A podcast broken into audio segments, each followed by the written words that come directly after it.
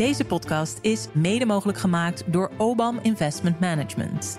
Al ruim 85 jaar Nederlandse beleggingshistorie met beleggen in aandelen wereldwijd. Ervaren, actief en met een duurzaam rendement investeren in uw financiële toekomst. Obam Investment Management, de kunst van het kiezen. Kijk op obam.nl voor meer informatie.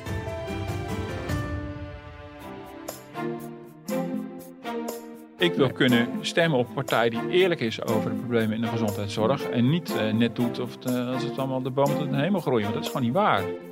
Dit is Kwestie van Centen, een podcast van de Financiële Telegraaf met Martin Visser en Willemijn van Bentum. Nou, Martin, Zitten we weer. zitten we weer. Robert is nog op vakantie. Ik val even in. Heel leuk. En dan vooral over mijn favoriete onderwerp, de zorg. Vind ik Oh ja. altijd wel een ingewikkeld dossier. Hey, en eh Martin, ik vroeg me af, ben jij nou zo iemand die elk jaar kijkt welke zorgverzekering goedkoper is? Nee, ik nee. deel altijd mensen in categorieën. Nee, ik ben heel lui. Ja, Nee, ik heb het wel een keer gedaan, een aantal jaar geleden. Toen, uit een soort schuldgevoel, omdat alle mensen het voor mijn gevoel deden en ik helemaal nooit. Daar kwam ik uit op de verzekeraar die we collectief via de werkgever krijgen aangeboden. En Oh ja. eh, sindsdien eh, ben ik erbij gebleven. ja. Ja, ja, ik vertrouw erop dat de markt zodanig werkt dat het voor mij gewoon de goedkoopste optie blijft. Maar ik hoorde laatst inderdaad weer iemand op de radio uitleggen dat hij in een paar minuten tijd met een paar zorgvergelijkers ieder jaar overstapt en elke keer weer heel veel bespaart. Ja, ik ben daar gewoon ontzettend lui in die dingen. Het Ja. is echt verschrikkelijk. En Ja, het werkt en eh, nou, klaar weer. Nou, jij wel? Je, je zit Nee, nooit. Nee, nee. Nee. ik ben er ook heel lui in. Ik geloof ook in de lange termijn. Ja, Ja, denk in maar die goed, end. misschien eh, zou ik ieder jaar een beetje goedkoper uit kunnen zijn. Ja. Maar ja, eh, jammer dan. Weet je, het functioneert en eh, prima, het is geregeld, klaar. Ja, Ja, ik stap ook niet allemaal over van de verzekering van de auto of van, van allerlei andere verzekeringen. Dat vind ik gewoon goed toe. Dus ja. op een ja. gegeven moment is het gewoon geregeld. Klaar. Nou, misschien eh, onze gast Klaartje Baks wel. Verslaggever DVT met eh, zorg in haar dossier. Ik weet niet, doe jij het wel, Klaartje? Nou, sinds ik hier werk doe ik dat inderdaad. Want eh, het scheelt gewoon geld elk jaar. Ja, En, kijk, dat bedoel ik. Om hoeveel gaat dat dan, als we het over centen hebben? Centen, je kan Nee, er een kwestie gerust van centen. Oh ja, je kan gerustig over euro's praten, wou ik zeggen. Tussen de goedkoopste en de duurste polis eh, vorig jaar zat, eh, ik pin me niet op vast, maar wel bijna 40 euro. eh. dus dat is eh, best wel eh, geld natuurlijk. Ja, een zeker. etentje. Ja, met een snackbar. Tegenwoordig bij de snackbar een etentje, een rondje friet, ja. hey, maar eh, fijn dat je er bent. Want we gaan het vandaag hebben over de zorg, want er is veel aan de hand, speelt veel. Er is eh, zorg bij de overheid, ontevredenheid in de politiek over de zorg. Premies gaan omhoog, heb je veel over geschreven. Onlangs heeft eh, de eerste eh, de verhoging aangekondigd. Dat is altijd een eh, thermometer, zeg jij. Nou, spant de zorg ook zelf rechtszaken aan. Dus er lopen er nu drie. Wat is er allemaal aan de hand? De zorgverzekering wordt volgend jaar fors duurder. Bij DSW gaat de premie met 11,50 euro per maand omhoog. Volgend jaar wordt die 149 euro. Een recordstijging. Ja, de stijging van de premie is niet voor niks, omdat de zorgkosten die onze overheid uitgeeft eh, volgend jaar ook enorm stijgen. hè. We gaan naar ruim 111 miljard euro volgend jaar. Ten opzichte van dit jaar, wat was Dit jaar was het net boven de miljard voor het eerst.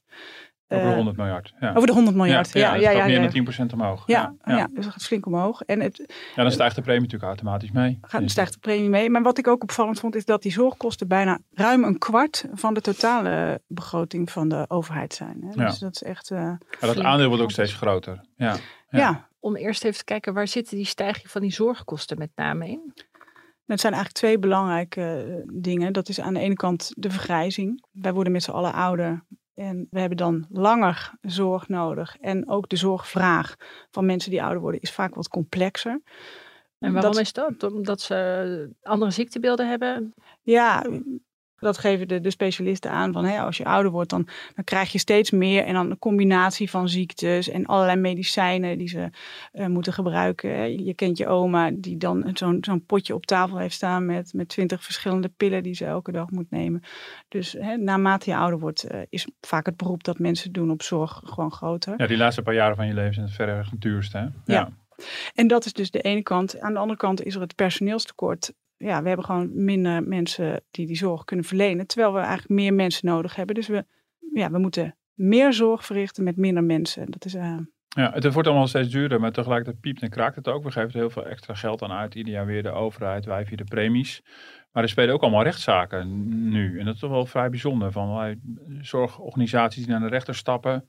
Ook zij zijn blijkbaar ontevreden met hoe het nu gaat. Waar, waar zit die onvrede in? Nou, je ziet eigenlijk dat heel veel zorgorganisaties het nu al financieel niet breed hebben. Hè, uit de, de jaarrekeningen over 2022 bleek dat veel organisaties financieel slecht voorstaan.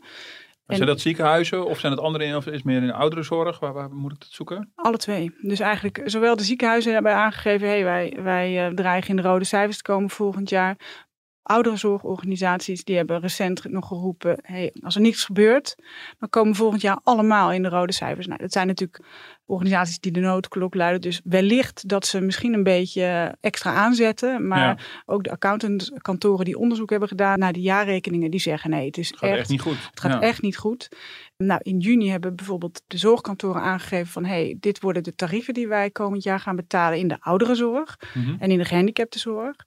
Nou ja, daar zijn die zorgorganisaties hebben gezegd, ja, daar komen wij echt niet mee uit. Dan gaan we echt allemaal. Maar die zaken gaan dus over de tarieven uiteindelijk. Ja, en, is het ja, gehandicaptenzorg, Handicap... ouderenzorg en huisartsen. Huisartsen, ja. Hoe uitzonderlijk is dat eigenlijk, dat er nu de rechtszaken regent? Kijk, het komt wel voor dat er daarover uh, een rechtszaak gebeurt, maar nu is het wel echt veel. Ja, ja. Nou, dat is ook wel een interessante spanning. Hè? Ik bedoel, het kost ons allemaal bakken met geld. Iedereen wil graag een goede gezondheidszorg. We zijn een rijk land, dus je zou zeggen dat kunnen we ons veroorloven.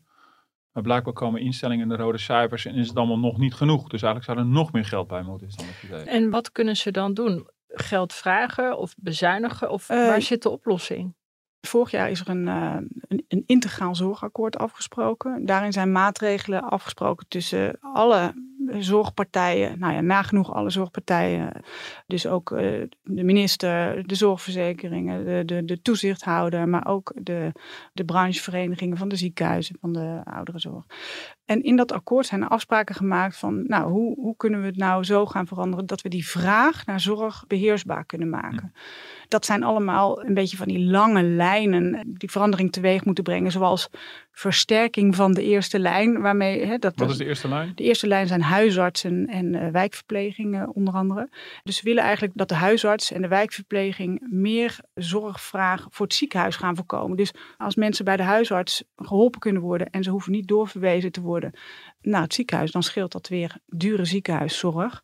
Nou ja, en daarvoor hebben de huisartsen, die krijgen dan weer iets meer geld. Maar die zitten ook tot aan uh, hun nek toch over vol in het werk, ja. wat ik altijd hoor. Ja, dat is zo. En er zijn ook veel huisartsen tekort. Dus daarom zitten ze ook zo vol en uh, ja, is dat gewoon lastig. Toen ik me inlas op dit verhaal, ik vind het een heel ingewikkeld verhaal hoe het allemaal nu is geregeld. En het wordt ook steeds ingewikkelder naar mijn idee. Moet die zorg niet anders worden ingericht? Of? Nou ja, dat, hè, wat ik net zei, dus die verschuiving van meer zorg naar de, naar de huisartsen, naar de wijkverpleging, zodat er minder een beroep wordt gedaan op dure ziekenhuiszorg, is één. Wat een andere maatregel is, is meer richten op digitale zorg.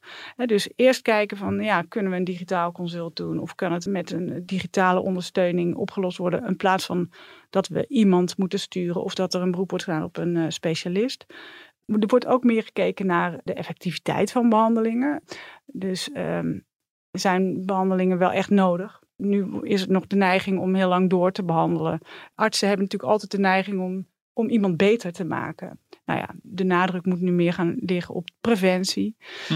Maar wat grappig daarbij is overigens, als we het in deze podcast hebben over geld, er gaat minder geld naar preventie. Dus dat uh, vond ik zelf nogal opvallend. Nou ja, je noemde ook net de wijkverpleging en de huisartsen. Voor mij heb je ook een groot verhaal in de krant gehad, onlangs dat de wijkverpleging zijn eigen investering niet eens weet waar te maken. Nee. Er gaat heel veel extra geld naartoe. Ja. Maar het lukt niet om mensen te vinden. Is dat het grootste probleem? Nou ja, dat is het grootste probleem, dat er uh, geen mensen zijn. Uh, er gaat extra geld naartoe. Nou, dat geld wordt dus niet uitgegeven. Nee, hè, onderbesteding. Dus, Zo blijft uh, het plank liggen. Ja, ja wel, Ze weten het niet uit te geven. Ja, ja nee, 800 miljoen blijft er liggen. Ja, Dus dat is zorgelijk. En daar zijn ze nu ook aan, aan het kijken waar het dan door komt. Hoe, hoe kan dat nou? Ja. Maar ja, dat zit er waarschijnlijk in het personeel wat er niet is. ja. Wat ze wel zouden willen hebben. Ja. Laten we luisteren naar een fragment van minister Kuipers. Dit kan niet zo langer doorgaan. Vindt de minister dat er nu sprake is van betaalbare zorg. Er zijn steeds meer mensen die, die geen eens tanden meer in hun mond hebben. Voorzitter, ik ben bang dat dat niet te voorkomen is. Wij willen, en ook de SP-voorzitter wil, dat mensen die in de zorg werken daar een goed salaris voor krijgen. En op het moment dat er nieuwe cao's voor afgesproken worden, dan vertaalt zich dat in een hogere premie. Ja, Klaartje, mensen hebben geen tanden meer in, hun mond. Nee, direct, direct uh, aanleiding. Nee, ja. maar uh, dit waren kamervragen. Zoals je al schreef in het artikel van jou, al voor het zesde jaar op rij stijgt die zorgpremie gemiddeld. En als er niks gebeurt, dan gaat dat alleen nog maar verder. Want zo waarschuwde Aad de Groot van DSW, mm -hmm. uh, die uh, als eerste die premie bekend maakt. Er worden maatregelen genomen, maar de vraag is of die voldoende effect hebben. Maar welke maatregelen worden er dan genomen om die zorgpremie omlaag te krijgen? Nou, om de zorgkosten eigenlijk naar beneden te ja, brengen. Want ja, dan kan de premie omlaag. Ja, dat, dat zijn eigenlijk die lange lijnen zeg maar, ja. uh, van verandering die, die, waar ik er net een aantal uh, van beschreef. Ja, zoals huisartsen. Ja, ja. Maar, maar, je hebt ook bijvoorbeeld nog de administratieve last voor verpleegkundigen. Hm. Zij zijn nu 30 tot 40 procent van hun tijd kwijt met administratie. En dat is echt, uh, ja, zonde van de tijd, zouden we zeggen. Dus uh, dat moet naar beneden. Dat is ook een voorbeeld van iets wat er gebeurt om die zorgvraag naar beneden te brengen. Op het moment dat we met z'n allen minder geld uitgeven aan zorg, dan kan, zou de premie in theorie naar beneden kunnen. Ja, maar, maar dat gaat ook niet gebeuren. Nee, dat, nou, ik denk dat, dat nee. vooral de insteek is dat de zorgpremie niet oeverloos moet blijven stijgen. Nee. Die gaat ook niet meer omlaag. Dat lijkt me kansloos. Ja. Ik bedoel, in het leven wordt overigens niets goedkoper. Ik bedoel, alles wordt sowieso duurder. Nee. Natuurlijk vooral het punt dat het niet zo hard blijft stijgen. Want het explodeert natuurlijk echt nu op dit moment. Ja. En Nederland is daar overigens niet natuurlijk uniek in. Door heel veel westerse landen kampen met vergrijzing en dus met stijgende zorgkosten.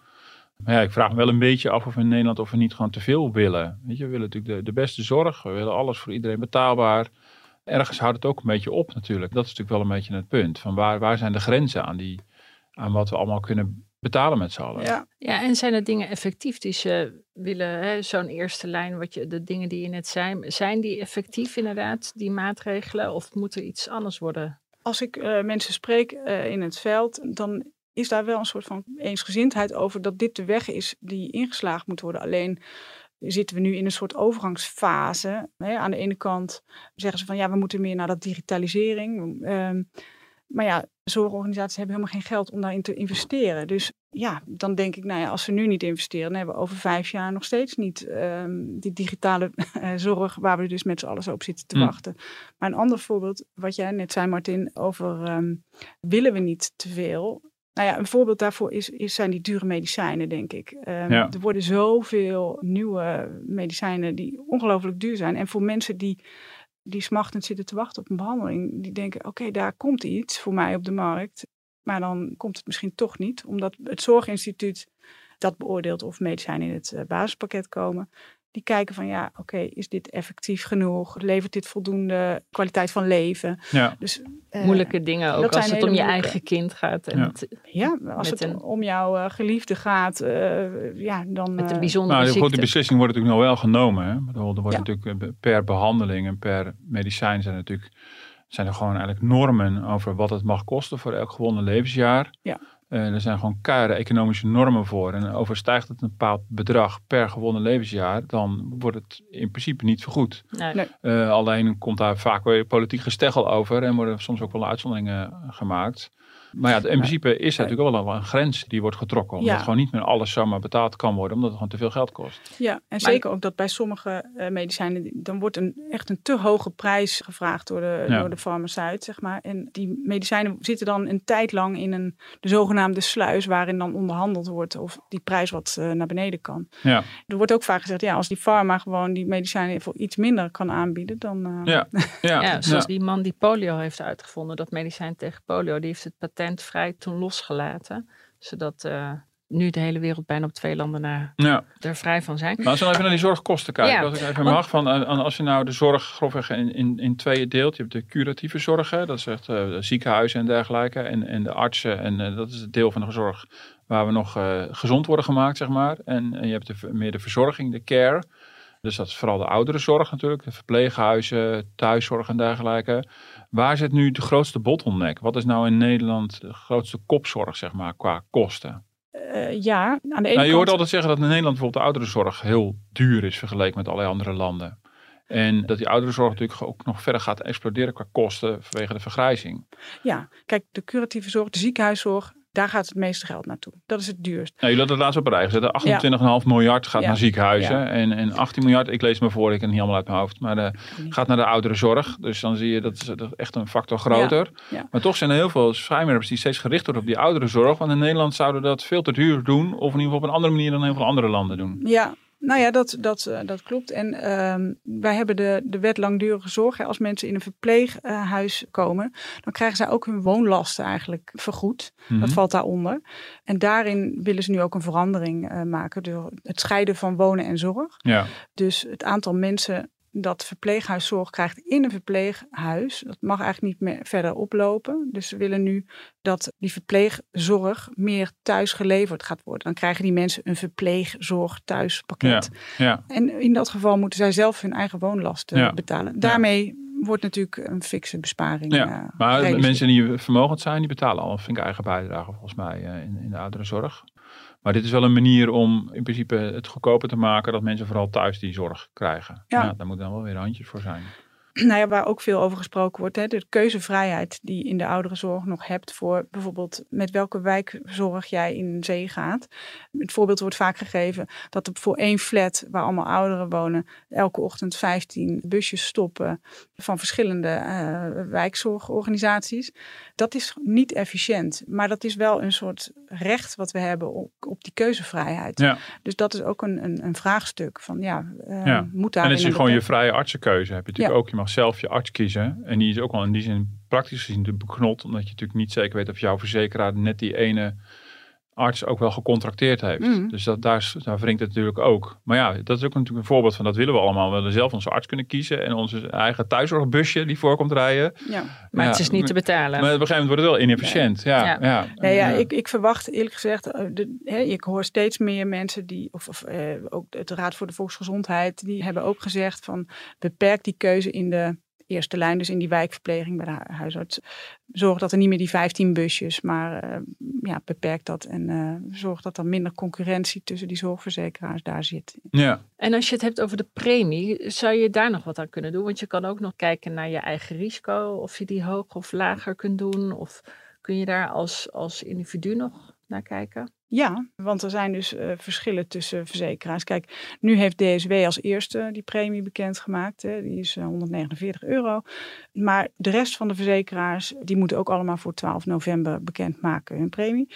Ja, het kan zijn dat er een andere verzekeraar is die zegt, nou wij halen nog eens even wat geld uit onze reserves om die premie te drukken. Dus dat zij een, een lagere maandpremie kunnen realiseren. Dus Dat moet je eigenlijk meenemen in je keuze. Of ze reserves hebben. Dus je moet eigenlijk hun bijna een jaarverslag gaan bekijken. Ja, dat, of- eh, dat lijkt mij persoonlijk dan weer Nee. een beetje te ver gaan. Nee, maar goed, je krijgt op een gegeven moment ziet u wat de premie is. En dan Ja. kan je natuurlijk kiezen. Wat, Ja. Iets wat ik dus niet doe, maar wat, wat je dus wel Ja. kan doen voor 1 januari. Ja. Dan, eh, Ja, ja, en dan maak je je keuze. En als het jaar Ja. erop een andere verzekeraar zijn, zijn reserves aanspreekt, gaat daar de premie weer minder Ja. hard omhoog. Dan kies je Maar dit jaar was het wel voor het eerst dat DSW dus niks eh, kon bijleggen uit de reserves. Ze hebben ze ook gezegd van ja, weet je, voor ons eh, gaat, er dat, een keer gaat op. dat niet meer lukken. Ja. Nee. En, en Aad Groot van DSW, die zei ook van ja, hij verwacht dat dat ook voor andere verzekeraars eh, geldt. Maar ja, misschien eh, Hmm. worden we verrast eh, nog voor 12 november. Ja. Longkanker is namelijk een relatief goedkope Ja, ja. ziekte om aan te sterven. Dat klinkt heel gruwelijk.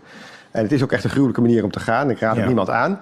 Maar, eh, maar het is eh, relatief goedkoop. Dementie is veel duurder. Dus Ja. mensen die, en, en een van de manieren om dementie te voorkomen is te gaan roken. Ja. Want dan haal je die leeftijd niet. Ja.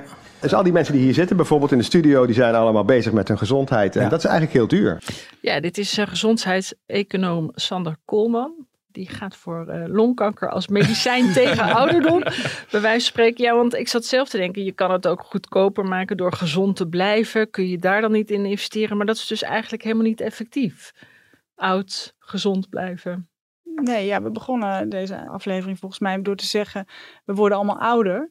En daarom wordt het en daarom duurder. wordt het duurder. Ja. Dus Ja. eh, daar is natuurlijk een punt. Maar we, we willen natuurlijk niet sterven aan longkanker. Dus dat, Nee. eh, ja. Nee, ik had, ik had het fragment uitgekozen omdat het is heel prikkelend. Omdat Ja. een makkelijk antwoord is er dus niet. En eh, ik denk dat hij daarom ook zei. Het ging rond op Twitter en Xander Koolman zei ook van, nou, er was best wel wat ophef over deze uitspraak.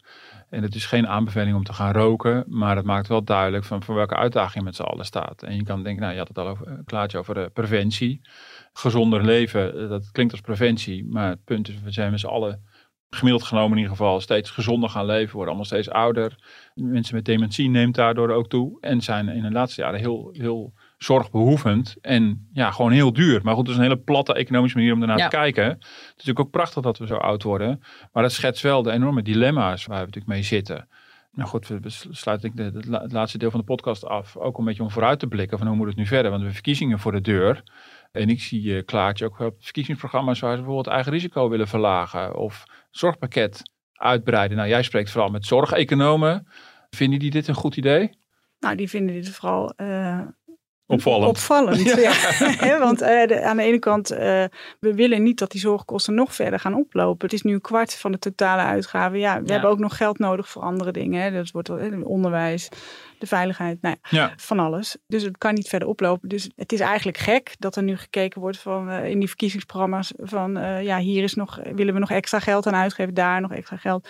Nou ja, als die keuze gemaakt wordt om dat extra geld uit te geven, dan zal er ook weer ergens anders gesneden moeten worden. Want Ja. Of meer opgehaald. Want ik zit wel eens te denken, moet het niet bijvoorbeeld als je rookt, accijns op tabak, hoger, zodat je dat weer naar de zorg kunt laten lopen, bij wijze van spreken. dat is een heel eh, prikkelend eh, Ja.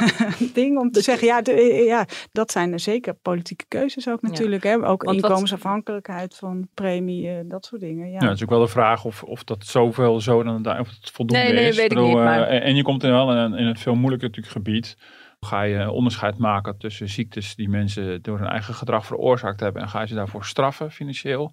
Dus ik wel, je komt dan een ethisch ingewikkeld eh, Nee, ding terecht. Niet als Eh, straffen, maar meer van het, eh, net als wegenbelasting, dat je dat Ja. naar de wegen toe laat gaan. In plaats van dat het allemaal een weerwar wordt en dat je niet meer weet waar het vandaan komt. Zo Ja. bedoel ik het. Nee, Ja. Dan krijg je ook korting als je meer sport. Maar dan moet je weer een bewijs Ja. afleveren dat je wel drie keer naar Nou ja, we hebben net gehoord dat die, dat die rokers beter wat lager accijns Ja. kunnen krijgen. En die sporters die moeten belast worden omdat ze zo duur zijn. Ja. Dat ze lang leven. Dus nee, maar dat, dat maakt, dat maakt Ja. het ook een beetje moedeloos misschien. Maar, en het is ook wel een vrij cynisch fragment. En dat realiseerde Xander Koolman zichzelf natuurlijk ook wel. Ook Ja. wel. Maar in die zin is het gewoon wel een financiële probleem voor iedereen. En niet alleen voor een specifieke groep mensen. Eh, Nee, Nee, gaat maar, het allemaal aan. maar de Dat- mensen met lagere salaris, kan me wel voorstellen met die hogere kosten. Voorzien ze daar ook dat daar minder zorg naartoe wordt gegaan of aan wordt geleefd omdat ze langer wachten om naar de huisarts te gaan? Of, zorgmeiders. Ja, Ja. Die, dat is wel een gevaar wat eh, op de loer ligt natuurlijk. En eh, een ander scenario is ook dat, dat je meer een tweedeling krijgt. Dus eh, hè, dan- zeker als je kijkt naar die ouderenzorg. Ja, mensen die gewoon geld hebben, die, die kopen zelf wat extra zorg in. Ja. Eh, mensen die, eh, die gewoon krap bij kas zitten, die moeten maar even wachten tot de wijkzuster tijd heeft. Ja. Maar daarom wordt ook wel steeds meer de discussie gevoerd van hey, wij moeten als samenleving nadenken ook eerder over onze zorg en ook over onze ouderen. Dat we zelf meer omkijken naar onze buurtgenoten. Ja, dat we iets minder vanuit de betaalde zorg verwachten, maar meer ook zelf mantelzorg gaan leveren. De Hm. brengen maaltijd naar de buurvrouw. Nou, dat soort. Maar wat ik wel echt wel problematisch vind, is ik vroeg net al eerder al van, eh, willen we niet allemaal gewoon veel te veel? Ik bedoel, de stand van het politieke debat is echt wel een probleem. Als, als, als het partijen zijn die in een verkiezingsprogramma opschrijven dat het minder eigen risico of misschien allemaal afschaffen, pakket uitbreiden, ja, dat is echt zand in de ogen strooien van mensen. Eh, het eigen risico is in Nederland 385 euro. Dat is al jarenlang bevroren. Dat is niet meegestegen met, met allerlei andere eh, prijzen en kosten. Het is internationaal gezien het laagste eigen risico. Had de CBS-cijfers even bijgepakt. In Nederland is ongeveer de betaling aan zorgverstrekkers, zoals we bij CBS noemen, het bestaat voor 10% uit eigen bijdrage. Terwijl, weet ik veel, in, in, in België is het 18%. Hm. In, in Duitsland is het, is het bijna 13%. We zitten echt heel erg laag. We zijn onderaan de lang, ranglijstjes. Eigen risico is echt onwaarschijnlijk laag. En we vinden het dus nu blijkbaar al, heel veel mensen vinden het dus nu al te hoog. En zijn we bang voor zorgmeiders. En dan gaat er toch wel even, voor mijn gevoel, toch wel echt iets mis. En tegelijkertijd, ja, wat is natuurlijk het perspectief voor de komende jaren als we die zorgkosten uit de hand laten lopen? Wat Klaartje ook zegt, dan, we hebben ook andere dingen die we willen, als onderwijs en defensie en, en nog eh, sociale zekerheid. En de zorg wordt daarom ook wel een beetje het koekoesjong genoemd in de begroting, want dat drukt gewoon straks alle andere dingen weg. En dat is voor mij nog niet echt heel erg ingetaald bij heel veel mensen. Eh, Dat dat wel een risico is. En dat willen we natuurlijk ook niet. We willen al die collectieve voorzieningen in stand houden. Maar dat kan natuurlijk niet voor de eeuwigheid op deze manier. nee, En wat zo aardig was, we hebben het al een paar keer over de, over de personeelstekorten gehad. Maar als je nou bijvoorbeeld met, met een blik van de arbeidsmarkt ernaar kijkt. wat was het? 1 op de 7 mensen werkt nu in de zorg. Hoop dat ik het goed zeg, Klaartje. Ja. En de voorspellingen zijn dat in 2050 tot 2060 1 op de 3 mensen in de Ja. zorg moet. En dan voel je, ja, Moet werken om te kunnen... ja, om, om, om dat allemaal in stand te houden. Dat kan natuurlijk niet. Nee. dat is ondenkbaar. Nee. En, ja, en ik vraag me wel een beetje af of de keuzes die nu in Nederland worden gemaakt op het gebied van zorgkosten wel radicaal genoeg zijn. Daar twijfel ik ten zeerste aan. Want alle ramingen en al die rapporten laten nog steeds zien dat het straks sky high gaat met die kosten. En dus ook het beslag op de arbeidsmarkt. Dan loopt het gewoon aan alle kanten vast. Ja. Wat vind jij, Klaartje? Nou ja, zodra er onpopulaire keuzes worden gemaakt, wordt daar natuurlijk, eh, komen mensen daar ook tegen in het, eh, Ja. in, in het geweer. Dus, of in het verweer. Ja, Dus Ja, dat- daar zit tegenin. ja, Ja. dus ja dat, met eh, Kamerleden voorop natuurlijk. Ja, en, en dat is nu in verkiezingstijd natuurlijk ook helemaal niet populair om eh, keuzes te maken. Nee, maar dat is ook niet eerlijk. Ik bedoel, ik wil Nee. kunnen stemmen op een partij die eerlijk is over de problemen in de gezondheidszorg. En niet eh, net doet of als het allemaal de bomen tot de hemel groeien. Want dat is gewoon niet waar. Nee. Alle adviezen die hierover gaan de afgelopen paar jaar zijn allemaal eenduidig in waar we op afstevenen. Keuzes maken. Ja, Ja. Harde, harde keuzes maken. En wat ook vaak gezegd wordt, ja, wij, wij hebben nu, zijn we nog gewend aan een gezondheidszorg met cijfer 8, bij wijze van spreken. Wij moeten misschien meer naar een 7 of misschien wel zelfs naar een 6,5. Hm. Hè, dat, Om het met, betaalbaar te met, maken. met minder genoegen nemen. Ja. Ja. Ja. Ja. Nou, spannende tijden ook met de verkiezingen die eraan komen. En dan nog de nieuwe premies die bekend worden gemaakt eh, voor... Voor de andere 12 verzekeraars, Voor de andere ja. verzekeraars. Ja. Dankjewel Klaartje. Alvast ehm, tijd voor de rondvraag.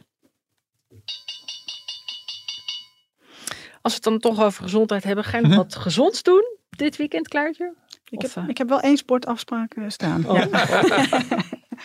en met tennislidmaatschap eh, betaald, maar eh, nog niet geweest. Oh, ja. ja, dat werkt ook. Hè? Ja, Wel ja. iets betalen, dan ga je het in ieder geval doen. En Jij, Ik Martin? ben wel super gezond. Het wordt mooi weer weer, dus eh, ik denk dat we wel erop uitgaan. Ja, misschien ook een pak sigaretten gekopen. Naar buiten? Ja? Nee, helemaal niet. Nee, ik rook al heel veel lang niet meer. Daar ben ik heel blij mee. Nou, dan ben ik maar wat duurder. Je weegt mijn individuele belangen op tegen het collectieve belang van de zorgkosten. Nee, lekker erop uit eh, van het weekend. En jij? Ehm, nou, ik moet in ieder geval kijken naar sporten van de kinderen. Langs de kant van Oh, de ja. voetballijn. Nou, dat En, vind ik ook wel eh, heel gezond. Kijken naar sport. Ja, nou, we hebben net besloten met een aantal ouders dat we in ieder geval naar de wedstrijd gaan fietsen van de uitpartij. Eh, Dus, eh, en, dat en hoe lang is die fiets? eh, top? 20 minuutjes, dus eh, Oh. prima. We hebben lekker warming-up. Wij ook. Ja, nee, helemaal Ja. niet spannend. Wel zorgen dat het stresslevel een beetje laag blijft, hè, want dat is ook niet gezond. Ja, maar ik heb met kinderen wel sport, sport, sporten. Ja. Belangrijk. Ja, Qua zeker. preventie. Maar eh, leuk, Nou, dank Dank Willemijn. Eh, volgende week eh, zien we elkaar hier weer. zeker. Dank voor het luisteren. iedereen. Tot volgende week. En dankjewel Klaartje. Graag gedaan.